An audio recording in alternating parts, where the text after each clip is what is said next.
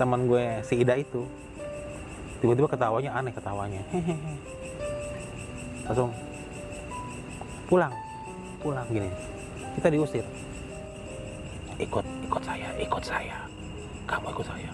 Sepasang pengantin itu tidak ada kepalanya. Kita sontak semuanya tuh ja- terjatuh. Anjir bau busuk kayak bau darah. gitu.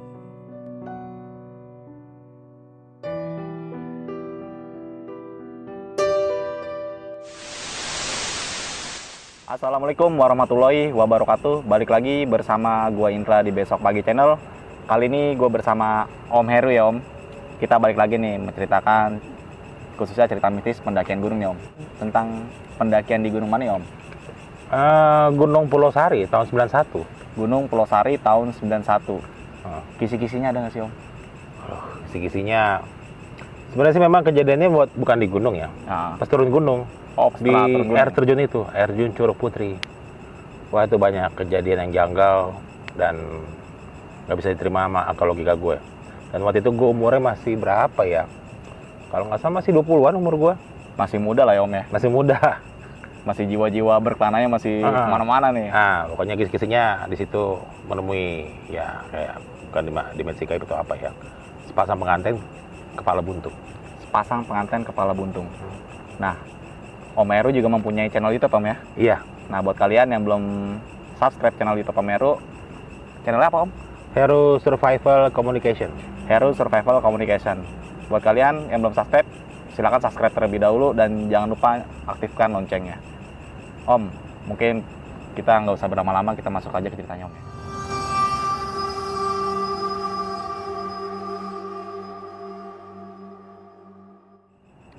Bismillahirrahmanirrahim. Assalamualaikum warahmatullahi wabarakatuh. Salam sejahtera buat para pemirsa Besok Pagi Channel. Nah, di sini gue bercerita tentang pendakian gue di Gunung Pulau Sari tahun 91. Jadi kenapa gue bisa menceritakan sekarang ini karena beberapa bulan lalu gue eh, sering banget ketemuan dengan teman-teman sependakian, ada teman SMP, SMA, tetangga, saudara, sepupu segala macam ya kan. Jadi dari ngopi-ngopi itu akhirnya apa ya banyak terselip cerita yang Ah. gue lupa. Gue cuma ingat paling misalnya di ini doang satu misalnya taruhlah misalnya di pos ini doang gue ingat selebihnya kan gue kagak ingat nah dari situ mereka cerita baru bisa gue rangkum. Sekarang gue cerita di channel lo ini. Jadi kalau udah bilang kok masih ingat kejadian puluhan tahun lalu? Ini mohon maaf ya ini bukan cerita gue semuanya. Gue hanya ingat cuma 20% doang. Selebihnya itu rangkuman cerita dari teman-teman gue jadi gitu Ah. jadi jangan salah paham ya ya kok masih ingat kejadian puluhan tahun lalu ya memang banyak orang yang ingat ada ingatan kuat ada juga yang ingatannya juga separuh-separuh Ah, ya seperti itu. Nah waktu di tahun 91 itu gue udah masuk kuliah tingkat satu. Dan waktu itu bokap gue masih ada ya. Jadi bokap gue tuh dinas di eh, penyeberangan merak. Nah waktu itu emang eh, kalau nggak salah itu masih mungkin liburan itu karena rumah dinas bokap itu di tepi pantai kerjaan mancing. Lo bayangin deh gue naik gunung kena laut terus. Mancing memang sih mancing sih enak. Cuma kan lama-lama bosen banget ya. Bahkan rumah memang pantai. Besok ketika, suatu ketika datanglah teman SMA gue. Namanya eh gue sorry gue julukan aja ya. Ah, julukannya si Garuk.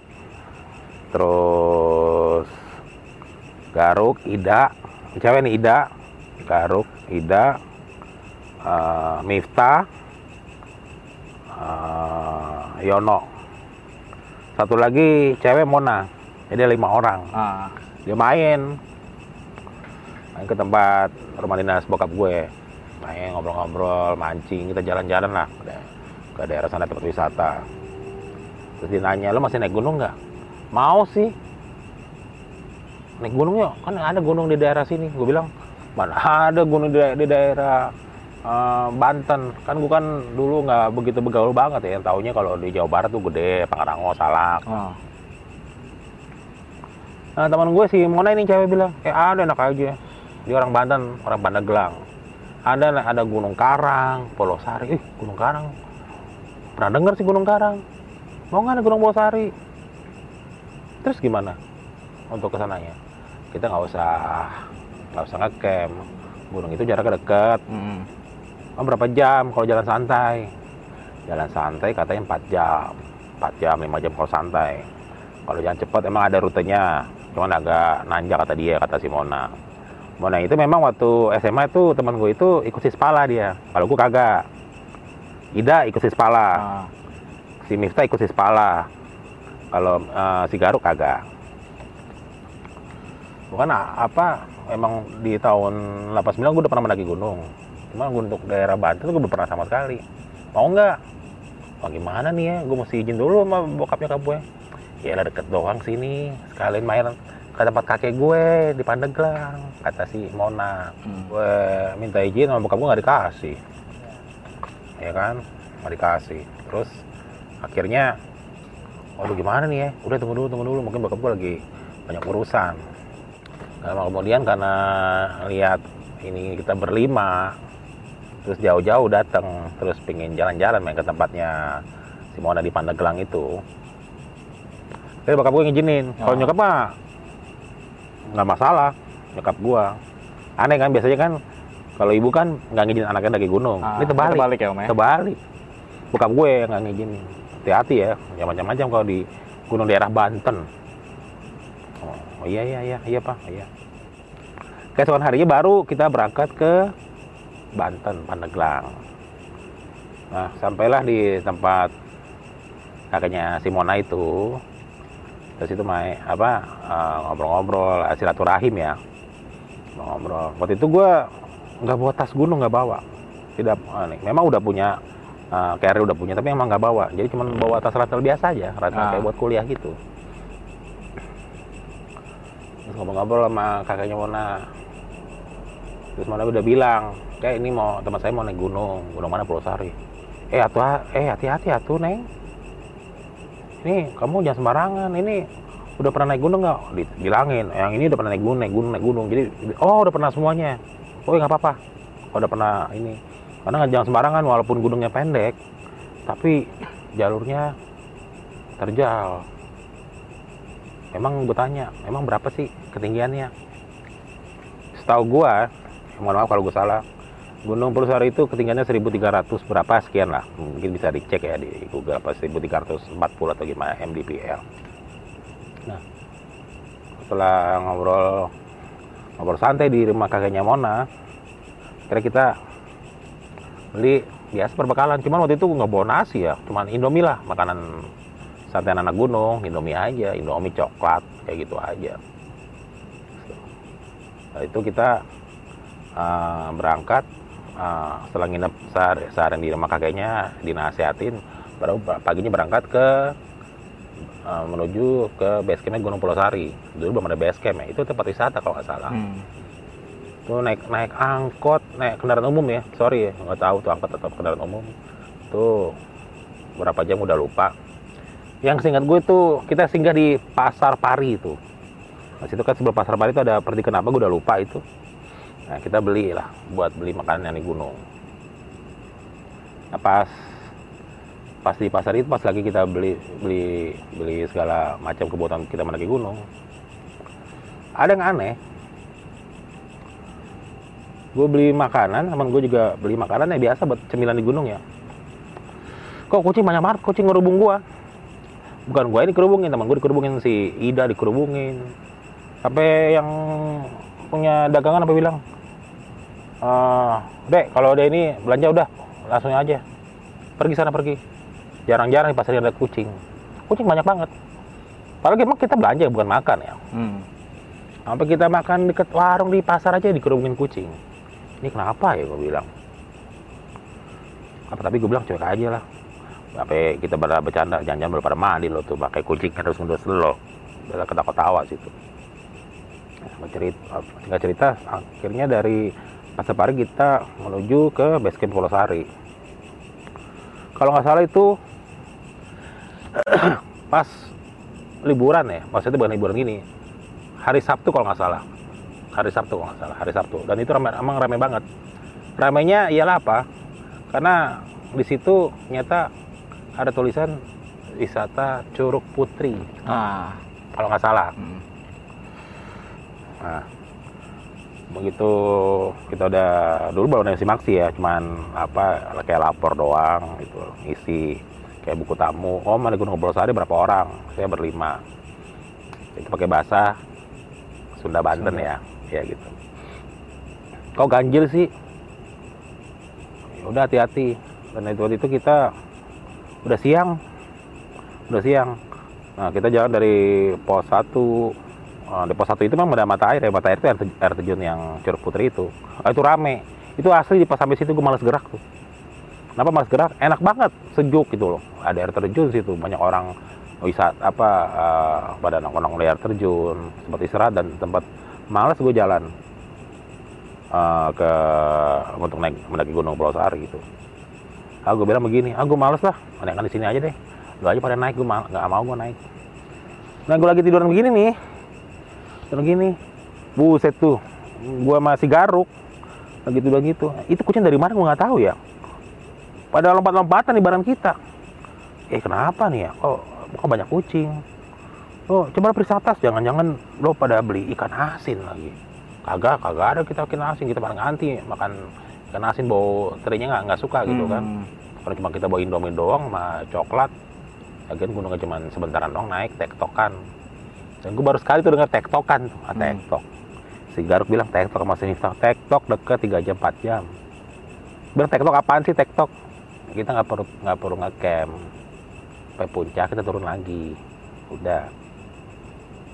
Dan kita istirahat di Curug Putri itu cukup lama itu satu jaman tempat ngop- ngopi segala macam tuh kan atau tempat wisata. Baru setelah dari itu yaudah deh jalan deh udah jalan. Nah waktu kita mendaki Gunung Pulau itu banyak pendaki yang naik itu banyak. Banyak iringan banyak kita lama-lama buset tuh jalurnya nanjak terus Ndra. tidak ada bonus. Asli nguras nguras tenaga dan keringat deh. Dari tempat di itu dingin gue pakai jaket sampai gue lepas tuh jaket pakai kaos kaos kutungan gitu. Nah si Ida setelah eh, lagi di perjalanan kok kayaknya laganya uh, tika lakunya bukan laganya ya kok kayak ngomong sama siapa? Bilang lo dak ngomong sama siapa? Teman gue si Ida itu. Kagak. Lo mau pendaki? Enggak.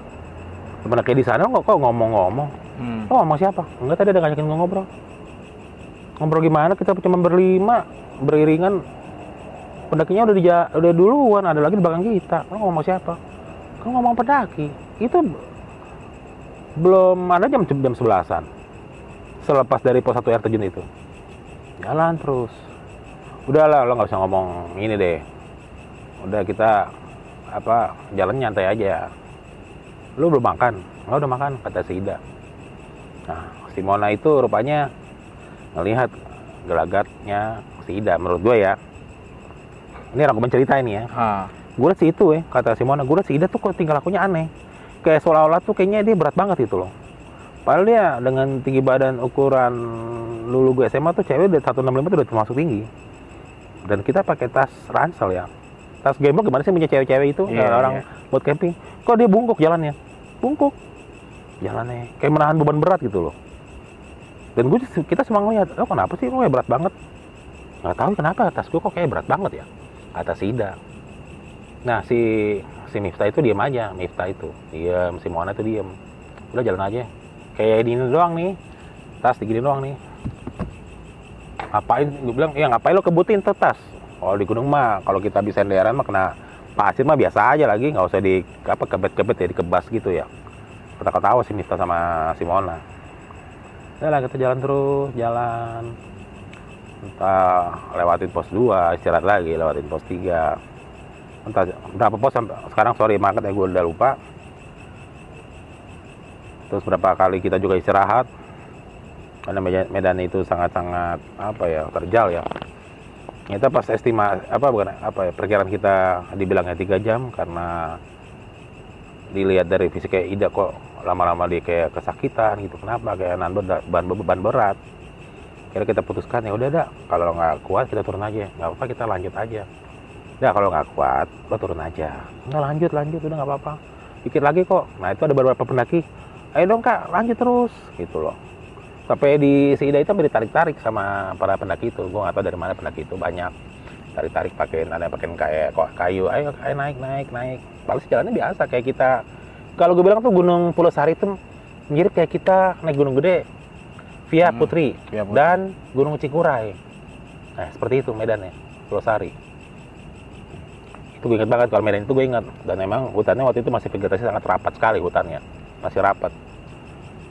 Nah entah ber- pas berapa jam kemudian sampailah kita di puncak. Itu sampai di puncak kalau nggak salah itu jam satu siang. Jam satu siang.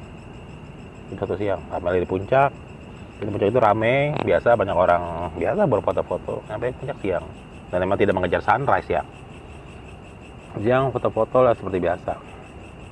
Makan-makan ya kan? Nah si Ida ini kan pas saya lagi buk pas gue buka makanan nih Ida. Makanan nih Ida. Kita buka ada coklat biasa lah. Indomie makanan khas anak gunung lah mie instan. Hmm. lagi makan begini terus tiba makan nih udah kita masak. Dulu pakai parafin ya.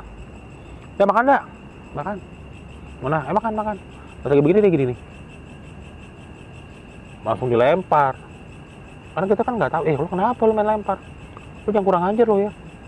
Lu ngasih makanan gua apaan tuh basi? Itu ada belatungnya kaget gua ah belatung? Kagak ada belatung. Mie instan lagi panas-panas gitu ada ada ada bawa telur juga kok kita. Belatung dari mana? Semua pendaki bilang. Kak nggak ada belatung kak. Ah, kakak jangan jangan halu jangan halusinasi. Apaan tuh belatung? Marah-marah si itu marah-marah ke kita. Itu siang tuh beneran jam 2an itu. Apaan lo? Kurang ajar lo. Masa lo kasih gue apa mak- mak- makanan bela ada belatungnya makanan basi lo bawa. Marah-marah. Udah udah udah kata pendaki yang itu. Udah udah udah. Kak jangan ribut-ribut di sini jangan. Jangan ribut-ribut nggak enak nih. Di gunung ini nggak ribut-ribut. Marah-marah mulu sih dah udah lah oke dah gue bilang gini sama si Miftah sama si Miko apa si Garuk. Udah kita bungkus bungkus bungkus udah kita turun turun. Turun lah kita turun. Sepanjang jalan si Ida itu marah-marah. Terus dia gim- gimana Indra ya gini nih ya. Terus tiba-tiba gini nih. Kalau kalau kita lihat cewek ya kalau bisa dicolok gimana sih Indra apa Iya. sih lo? Ah. dia begitu mulu. Ih kenapa nih orang ya? Tapi lagi-lagi si Mona dan si Miftah kayak ini nih. Gue kagak tahu ya apa ini ngomong ini itu ini bahasanya gimana sih kalau kalau ini rangkuman cerita nih ya? Colek. Ah apa sih? Emang rambutnya dia tuh apa ya? Kalau bilang tuh kayak rambut cewek karena panjang apa namanya? Kayak paguda Ah. nah yang aneh pas lagi perjalanan turun itu rambutnya sih kan kalau cewek kan biasa rambut goyang-goyang gitu kan. Ini seolah-olah rambutnya begini nih kayak ada gimana sih kalau ada orang mainin Indra? Ah. kayak mainin kayak kayak kari itu itu udah udah mau sore jam tiga jam 4 deh. Ya kenapa tuh rambutnya begitu ya si Miftah bilang begini Miftah. Udah udah istighfar istighfar. Eh kenapa nih ya? Tiba-tiba si Ida dia jatuh. Jatuh. Aduh sakit sakit. Kakinya berat. Jadi jalannya kayak diseret jalannya. Padahal kita gue lihat tidak ada luka. Dan memang waktu itu gue belum ada eh, belum masuk mapala ya. Nggak tahu cara pengenanganan di situ seperti apa. Katanya kaki sakit terus ada anak mungkin anak yang baru turun gunung adalah diambil dalam tas ranselnya udah kak sebentar diobatin. Kayak kayak pakai minyak gosok gitu mungkin minyak kayu putih digosok-gosok.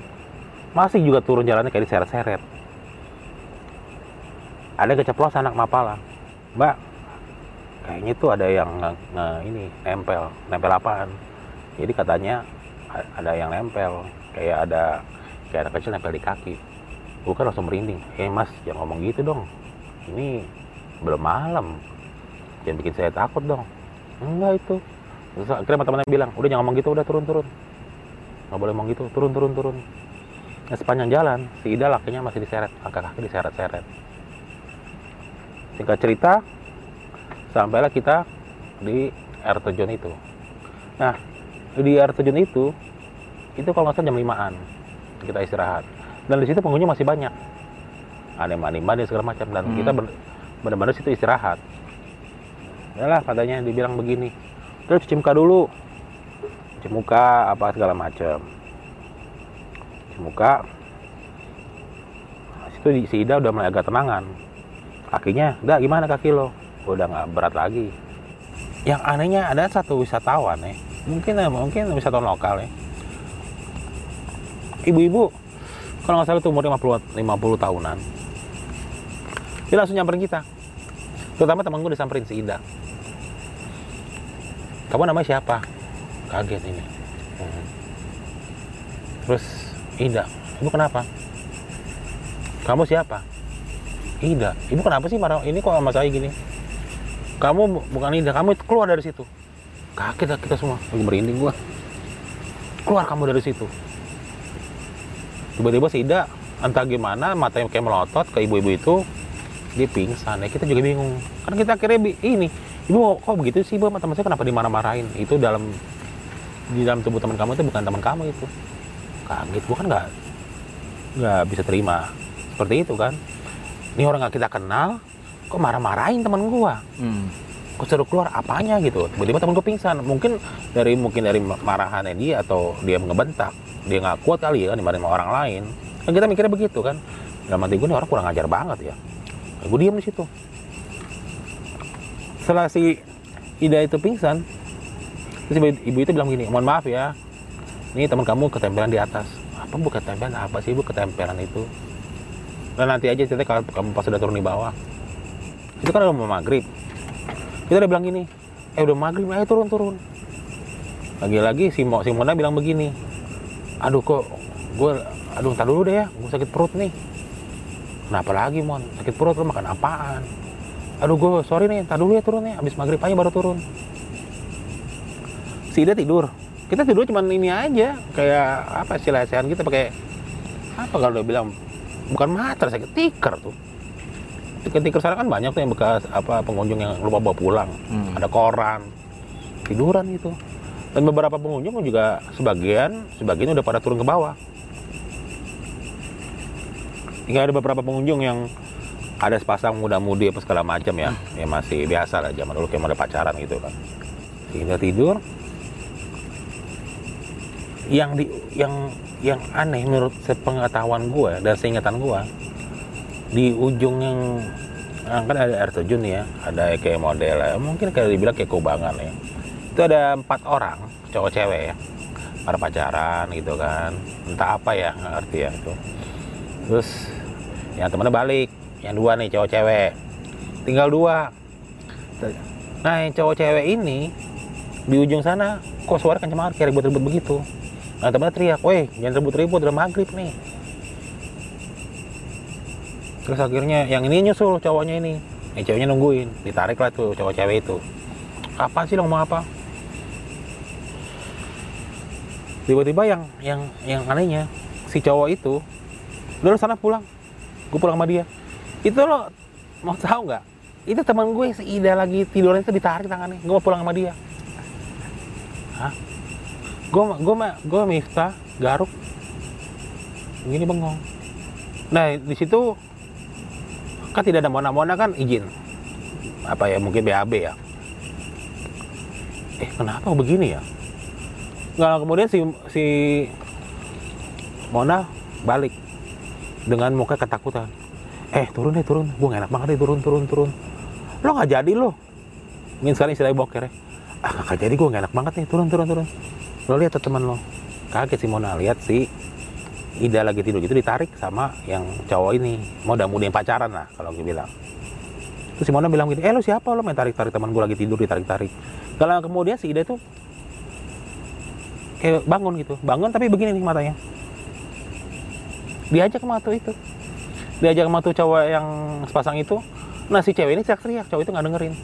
Dibawa ke air terjun. Dibawa ke air terjun. Weh mas mau ngapain lo eh nah di situlah gue Miftah sama si Garuk narik. Weh ya macam-macam nih teman gue. Lo siapa? Lo kan punya cewek lo narik narik itu sempatlah kita hampir beribut situ hampir ribut. Sampai terjadi ya kalau dibilang mungkin dorong-dorongan ya sampailah jatuh di air itu air. Tapi bukan tapi nggak dalam air cuman ya mungkin seginian semeteran jatuh. Jatuh gitu cowok yang itu ya taruhlah si X itu sama teman gue si Ida itu tiba-tiba ketawanya aneh ketawanya. Hehehe. Langsung pulang pulang gini. Kita diusir. Saya mau ikut sama dia. Pulang pulang. Terus si Mona sama Miftah bilang begini aduh gila bilang begini semua nih. Eh, istighfar istighfar kenapa nih? Gila harus serem banget nih kenapa? Aduh gue gak enak bilangnya. Turun nih turun tarik. Entah kekuatan apa yang mendorong kita untuk menarik si Ida. Tiba-tiba si Garuk teriak weh tarik tarik kita tarik tuh. Tarik dari yang air itu yang yang udah mau kerendam segini. Tarik kita bawa ke pinggiran terus dalam keadaan duduk basah kuyup bengong aja. Itu udah sampai kita nggak dengar suara ajan maghrib. Kita diem aja. Nah ada ada pengunjung ya wisatawan. Entah dari mana datangnya. Sama istri. Sama istri dia ada anaknya. Hmm. bawa anaknya masih kecil. Dibilang begini mas bawa turun temannya kalau teman nggak ada bawa turun. Mau jadi pengantin di situ. Pengantin apa pengantin apaan? Pengantin. Pengantin apa pak? Bawa turun bawa turun. Nah sepanjang gue bawa turun si Ida itu. Kan si Ida itu tangannya udah kita bisa dari yang cowok itu kan. Cowok itu dia nggak ngerti sama sama teman itu yang berempat itu sepasang itu. Ida itu bengong aja. Ditanya nggak bisa jawab Dah, ditepok nggak bisa. Bengong ini. Dan kita bawa cuma center cuma satu. Satu center sepanjang kita turun dari air terjun itu Curug Putri nggak lama kemudian itu apa nggak lama kemudian kok bau wangi ya. Wangi kayak melati gitu. Mungkin bunga-bungaan gitulah. Ih mau apa nih dan kita turun tuh berlima tuh dengan memapah si Ida dalam kondisi basah kuyup. Untungnya dia tidak hipotermia tapi dia mungkin dalam pengaruh itu ya dia tidak kedinginan. Kayak gimana ya? kayak kita bawa mayat hidup. Dah dah istighfar dah ini istighfar. Dibisikin terus sama Simona dah istighfar di telinganya diem aja. Diem. Matanya begini doang matanya itu kalau kita nggak kita tuntun nggak bisa jalan. Jalannya jalannya udah seperti kayak robot jalannya kayak robot. Kita turun tuh ada su- suatu pohon besar ya. Pohon besar.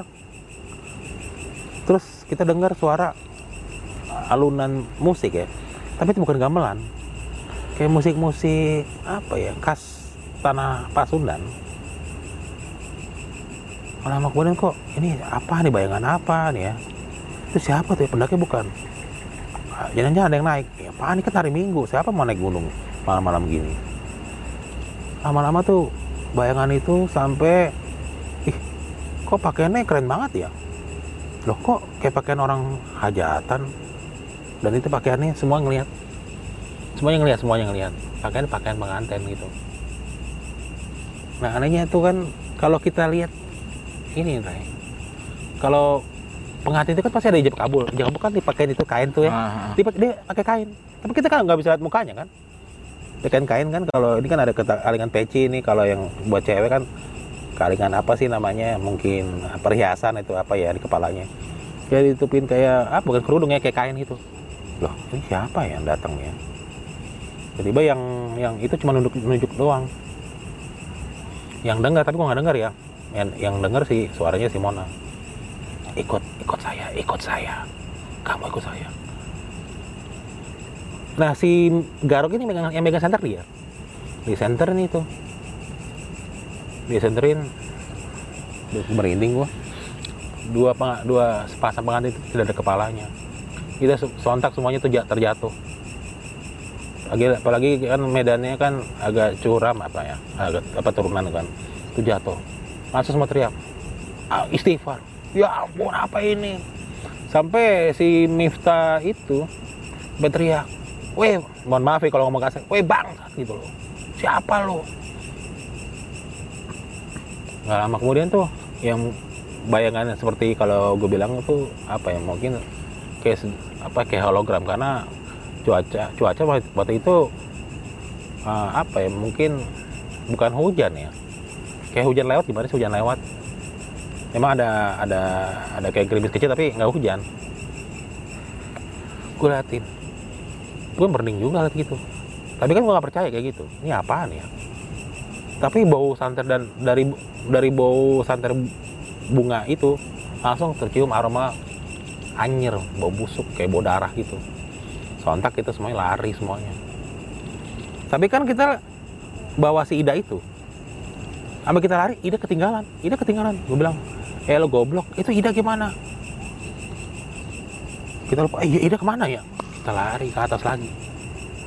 Pas kita kita lari nyusul si Ida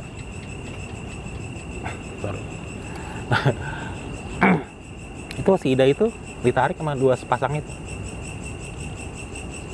Akhirnya si Miftah entah apa yang dibacakan sama dia. Doa. Dia langsung kayak ngambil dari kantongnya di ini. Setahu gue itu ya setahu gue yang waktu kemarin ketemu beberapa bulan lalu di kafe itu. Nyata bawa apa sih lo? Garam dilempar. Akhirnya kita bisa bawa si Ida. Akhirnya Ida, Ida bukan ini lagi. Akhirnya si Ida itu digotong sama si Garuk. Bawa turun. Nah sepanjang kita turun kan pasti jalannya udah tidak karuan. Bentur sana bentur sini jatuh sana jatuh sini. Alhamdulillah akhirnya sampai di base camp nah di base camp itu di base camp itu bukan ini bukan base camp ya apa sih mungkin tempat penginapan gitu ya. Ah, banyak orang di situ. Ditanya mas kenapa mas? Kenapa? Ya nggak tahu teman saya ini ini pak. Nggak tahu saya teman saya pak. Udah bawa kaget. Ada bawa bapak kaget. Dilatiin aja. Kamu kamu kamu keluar. Temannya diajak masuk apa si teman kamu bawa ke dalam si dia belum sadar Ida itu. Bengong aja. Kayak pucet. Gimana sih kalau kita kelamaan berenam di air itu ya? Kalau berenang kan gimana sih pucetnya kan ya? Pucet semuanya dan itu serem banget gue liat si yang, yang jadi cakep jadi jelek banget jadi kelihatan tua banget tuh. Tua banget. Di antara gue apa ya antara gue capek sadar dan tidak sadar itu si Ida kayak ketawa gitu ketawa. Pas ketawa cantik ya pas pas pas ketawa senyum cantik ya begitu ketawa ngakak gitu ketawa hehe itu mungkin kayak nenek-nenek. Dan bukan gue aja ngeliat gue Mona Miftah Garuk ngeliat semua. Ya ampun. Terus si bapak itu bilang udah kamu tenang aja. Nanti kamu tenang aja kamu tolong beli apa beli apa gitu kan. Akhirnya minta tolong si Miftah adalah situ apa eh, tukang ojek kan dulu belum ada online ya bukan tukang ojek mungkin dianterin ke pasar nah, malam itu beli apa hmm. tolong beli ini ini ini ini, ini. Gue kaget pak, ini buat apaan pak? Udah kamu diem aja. Bawa baju ganti nggak? Nggak bawa, itu gantiin bajunya. Ya teman gue si Mona itu gantiin bajunya si Ida. Kamu udah pada sholat belum? Sholat dulu. Sholat. Si Ida diem aja. Akhirnya ti- itu tidur.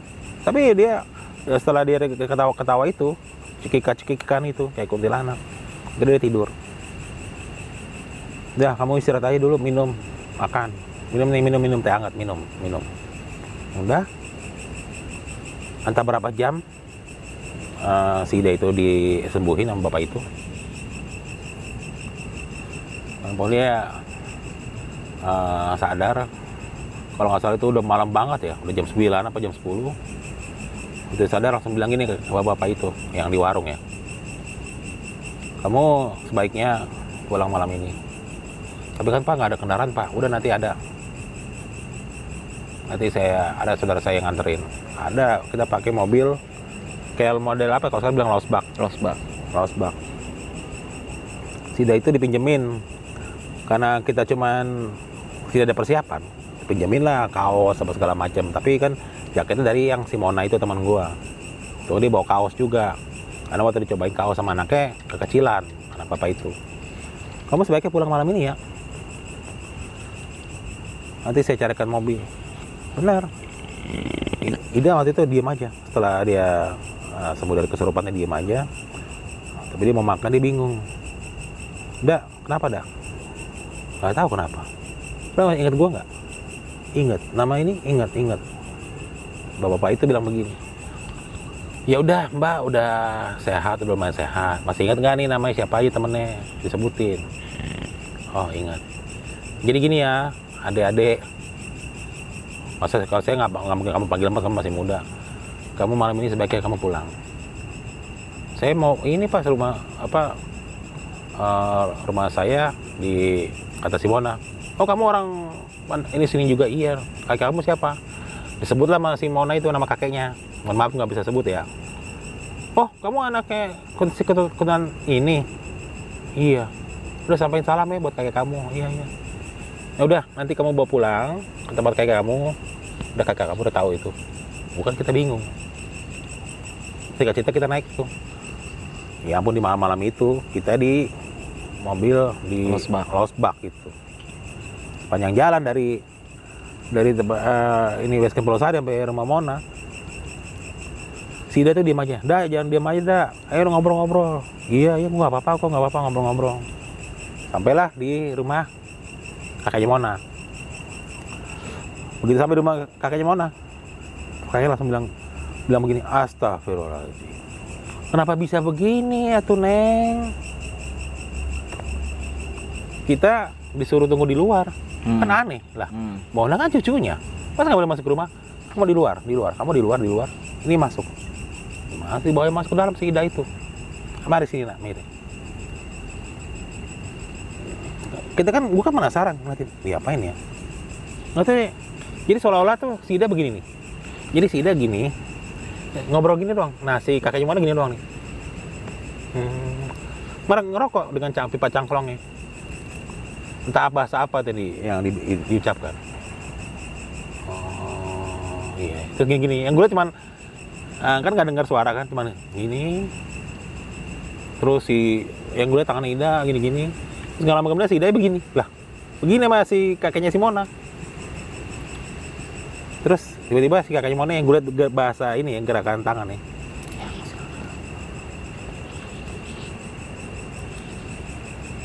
Udah.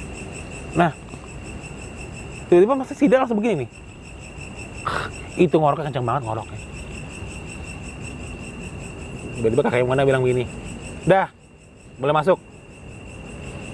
Boleh masuk. Kaki kanan masuk duluan ya. Awas ya kaki kiri. Kaki kanan gua kan nggak tahu kayak gitu itu. Kaki kanan masuk kaki kanan. Masuk. Tuh minum, minum semua minum. Minum semua, habisin airnya. Air ya air bening. Habisin, habisin nih, habisin, habisin, minum. Habisin. Dah duduk. Kayak kenapa itu?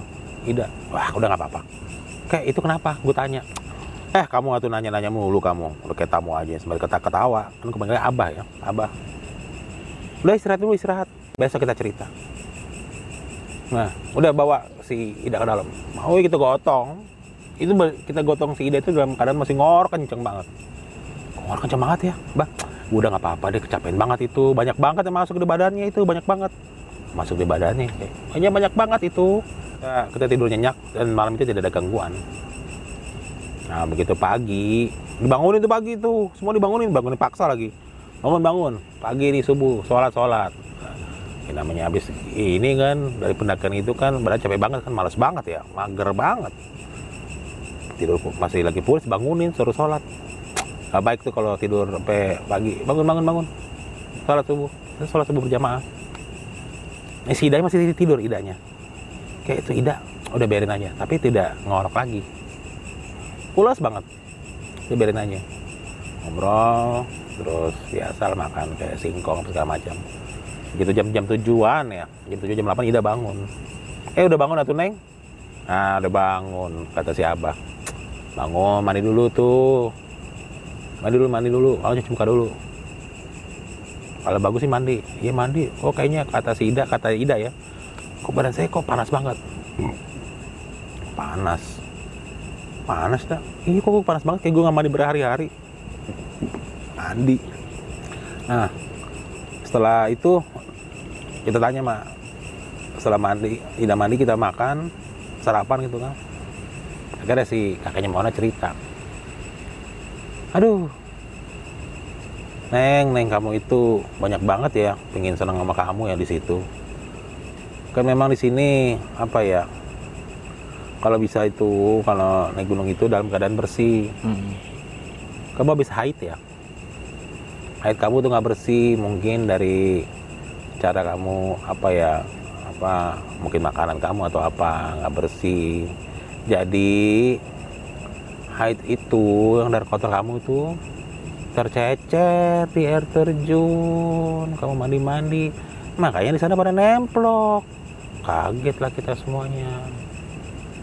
Itu kamu juga kebanyakan bengong juga yang kalau senang sama kamu tuh banyak. Kamu mau jadi pengantin di sana. Itu pagi-pagi gue merinding kita semua dengan cerita dari si Abah. Untung kamu juga ada dari leluhur kamu yang ngebentengin kamu. Kalau enggak kamu nggak udah dibawa ke alam mereka. Terus gue tanya bah waktu sebelum saya ke sini kok banyak banget kucing-kucing itu pada gerbang kita? Padahal di pasar itu kan kita nggak beli makanan teri atau segala macam. Lah iya tuh masih Neng Ida ini. Dia haid walaupun habis haid darahnya juga masih ini. Kamu juga jadi cewek tuh harus yang bersih. Itu jangan kotor. Benang, emang kamu benar suka naik gunung tapi kebersihan harus dijaga gitu. Jadi rupanya eh, apa ya dia ini haid kata si abah ini. Hmm. jadi apa bekas-bekas itu masih nempel. Kayak kita bekas darah gimana sih Indra? Iya. Ternyata itu pemicunya jadi si makhluk. Asal itu nempel dan ikut sama si Ida termasuk anak kecil yang ngegelendot di kakinya. Kurang lebih cerita gue seperti itu rangkuman dari teman-teman gue dulu. Jadi mohon maaf kalau gue ada salah-salah kata. Dan ini juga eh, dari beberapa sudut pandang dari teman-teman gue waktu mendaki Gunung Purwosari tahun 91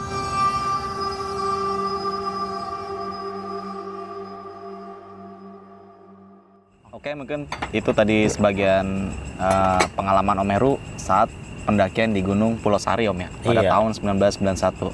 Nah, pendakian di Pulau Sari ini yang gua tangkap nih Om ya, banyak keganjilan-keganjilan dari awal pertama sebelum naik gunung nih. Hmm. Yang pertama eh, saat belanja logistik Hmm.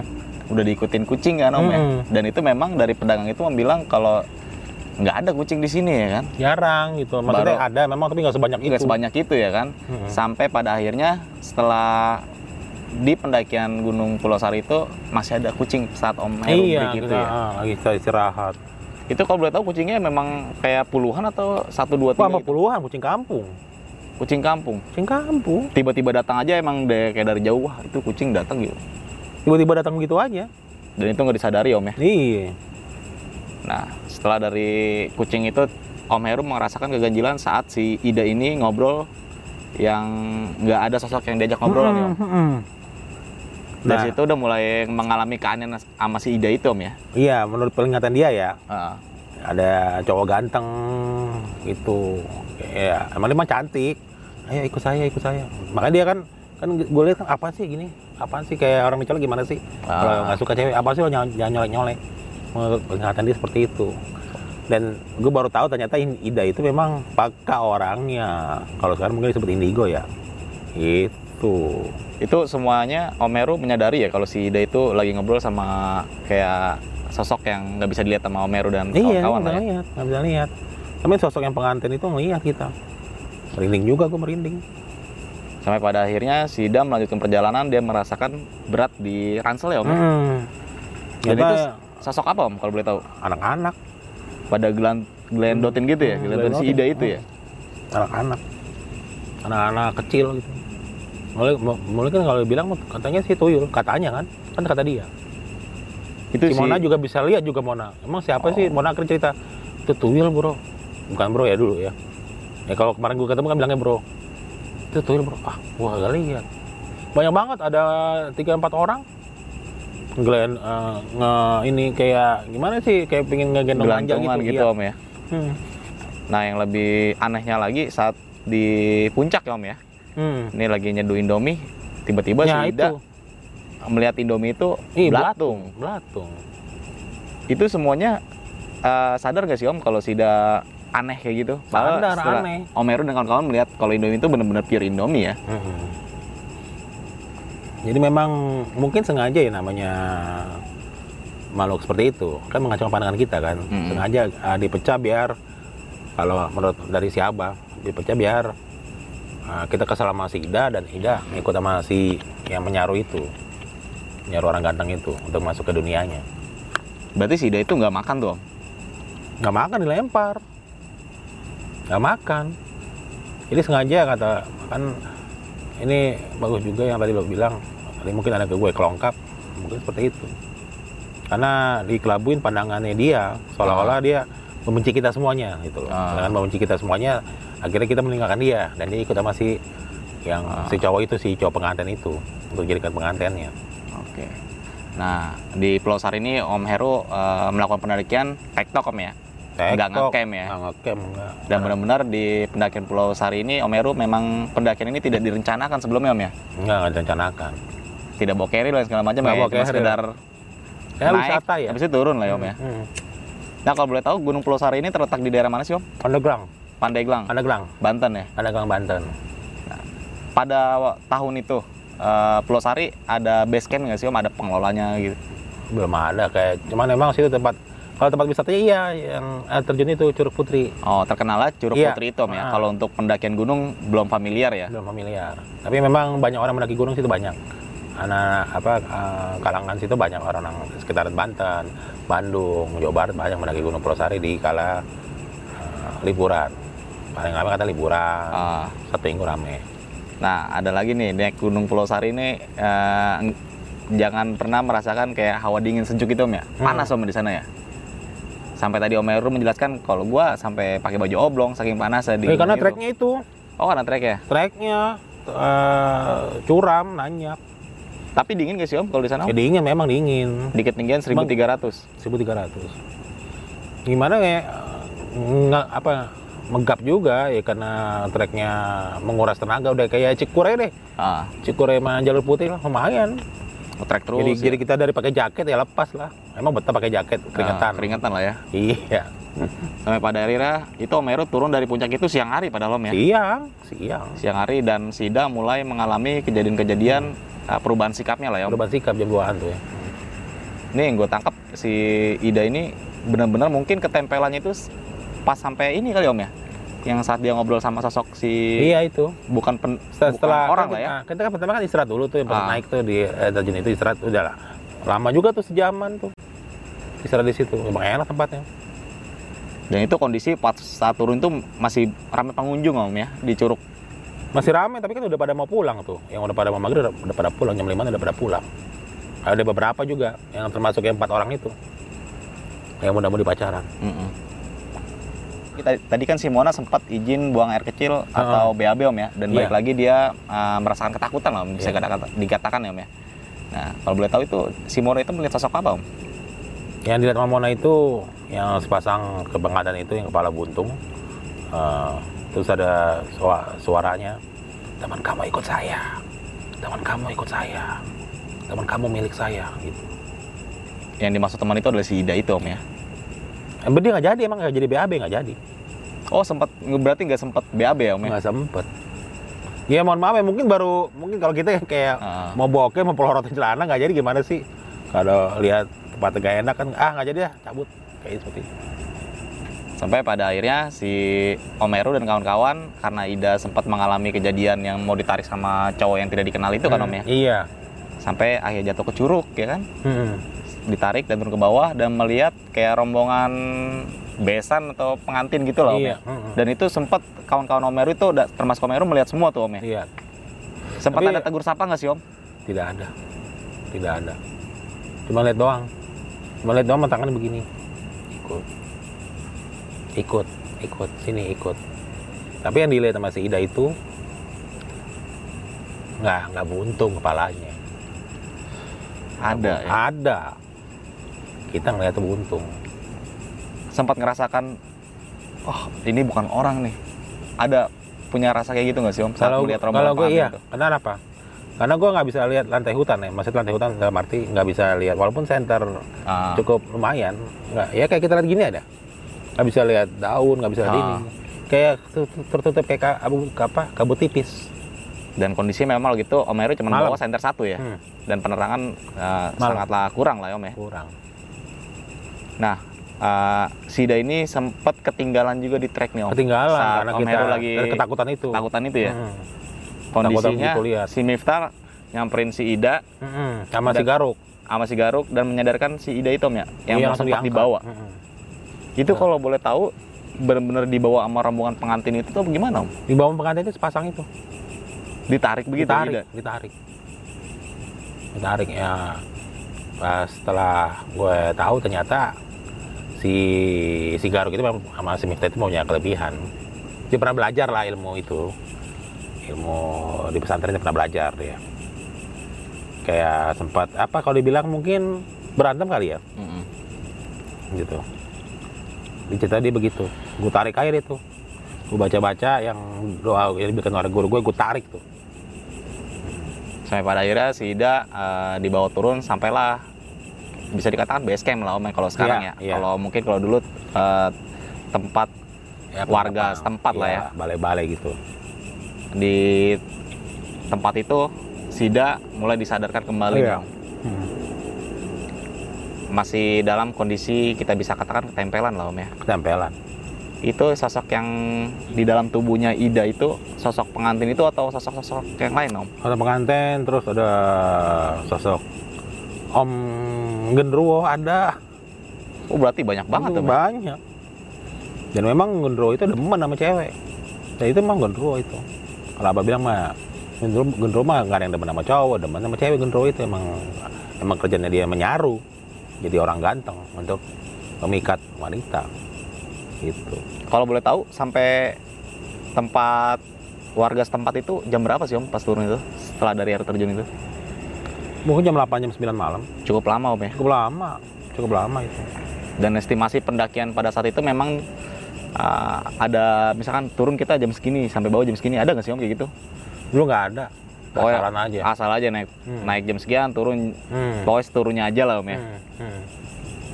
nah Sida mulai disadarkan kembali sama kakek Mona ya om ya Iya.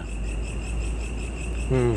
dan kakeknya Mona itu tadi sempat Om Heru jelaskan uh, ada beberapa pergerakan yang saat ngobrol sama si Ida itu Hmm. kayak menyuruh pamit gitu om ya Iya. itu maksudnya apa om ya kalau boleh tahu Ternyata ini ternyata eh, ada sosok dari kakeknya Mona bilang di dalam beda itu ada pendamping juga. Mm-mm. Jadi eh, ngobrol dengan pendampingnya si Ida itu kakeknya Mona. Pendampingnya itu yang dimaksud pengantin itu atau sosok yang Bukan lain om eh, leluhurnya. leluhurnya Ah, ah, gitu. Ternyata di dalam tubuhnya itu ternyata bentrok juga antara penjaganya dia sama, sama yang sana bentrok juga. Bentrokan itu ya dimensi astral bentrokan juga. Mereka kasihan juga sih si Idanya itu. Memang sih apa ya? eh, itu luar nalar dan logika gua. Cuman yang begitu kejadiannya kasihan juga. Jadi dia mungkin di waktu itu mungkin masih muda belum bisa menguasai tubuhnya atau gimana ya Ah. dengan dia punya itu. Dan dia juga orang tua orang tua yang nggak dikasih tahu. Mungkin kamu maksudnya "Eh, kamu kalau kayak gini kamu mesti begini. Kamu bacaan mesti begini. Mungkin dia belum paham atau gimana gitu. Tapi pas kemarin beberapa bulan lalu gue ketemu sama dia mah dia akhirnya udah paham. Dan bisa apa ya bisa mengontrol lah. Itu. kejadian sudah 22 tahun ya? Uh, 30 tahun om. 30 tahun iya. 91 kan? 91 30 tahun 30 tahun. 30 tahun ya. Dan Gokil. sekarang si Ida dan kawan-kawan Meru saat mendaki Pulau Sari masih sehat ya om ya? Masih sehat anak udah empat. Masih aktif naik gunung nggak sih om? Udah enggak udah mama. Om Meru sendiri? Oh masih dong masih, Masih gua. ya? masih. Rencana nanti mau naik gunung mana om? Tahun-tahun ini? Tahun ini? Kalau sebelum puasa mau naik gunung gede Pangrango setelah lebaran naik Argopuro setelah itu berapa bulan kemudian naik Gunung Prau jalan santai jalan santai lah om ya semoga lancar lah Hmm. nah kita balik lagi tentang cerita pendakian Gunung Omeru ini kan eh, si Ida ini mengalami perubahan dan keganjilan-ganjilan saat pendakian di Gunung Omeru ini karena sebabnya height ya Om ya, si Ida itu ya. Iya. Lagi-lagi height nih Om. Height nggak ini ya. eh, boleh kalau gue bilang ini ya. Dia memang dulu emang tomboy banget, emang cantik tapi tomboy. Ah, Jadi nggak bersih gimana sih kalau kita nggak bersih? Kalau kita habis mandi kan suka dibilangin, eh lo masih habis mandi tuh masih ada sabun ceceran ya seperti kayak gitu. dan Ah. gangguan-gangguan mistis datang karena si Ida itu Nggak bersih. nggak bersih. Nggak bersih. Punya pesan-pesan nggak buat kawan-kawan nih? Ah, jadi dalam pendakian beberapa puluh tahun lalu nih, gue bukan mak nakuti memang kalau kita mendaki gunung itu kita memang harus jaga kebersihan juga ya. Kebersihan dalam arti bukan kita habis ngecamp kita bawa sampah turun bukan. Dari kebersihan badan juga. Jadi kebersihan badan kita juga mesti dijaga juga.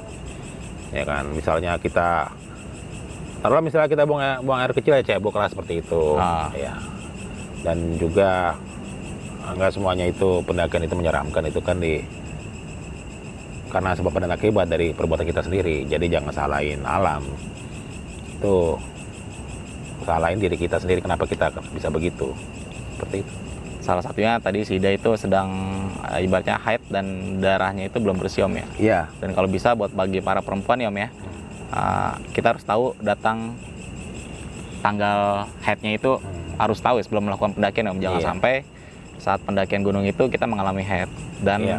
bisa merugikan diri kita sendiri Iya. dan orang lain ya Om ya. iya Atau waktu- kalau iya. bisa membawa apa? Pembalut ya Om ya. Siap Iya. sedia pembalut ya Om ya. Ya mungkin memang dia emang habis habis selesai haid. Cuman kan mungkin nggak bersih ya. Mungkin mungkin haid udah udah selesai teman masih tiba-tiba mungkin karena capek ngocor lagi lah seperti itu. Mungkin cukup sampai di sini Om ya. Cerita pendakian Gunung Meru di Pulau Sari pada tahun 1991. Uh, bagi kalian, Omero ini mempunyai channel YouTube yaitu Heru Survival Communication ya Om ya. Iya. Nanti gue bakal taruh di kolom deskripsi. Bagi kalian yang belum subscribe, eh, subscribe terlebih dahulu dan jangan lupa nyalakan loncengnya. Oke, dari gue Indra dan Homeru, ah, ambil sisi positifnya dalam cerita gue bersama cerita Homeru bersama gue kali ini. Yang buruknya buang jauh-jauh. Wassalamualaikum warahmatullahi wabarakatuh. Waalaikumsalam warahmatullahi wabarakatuh.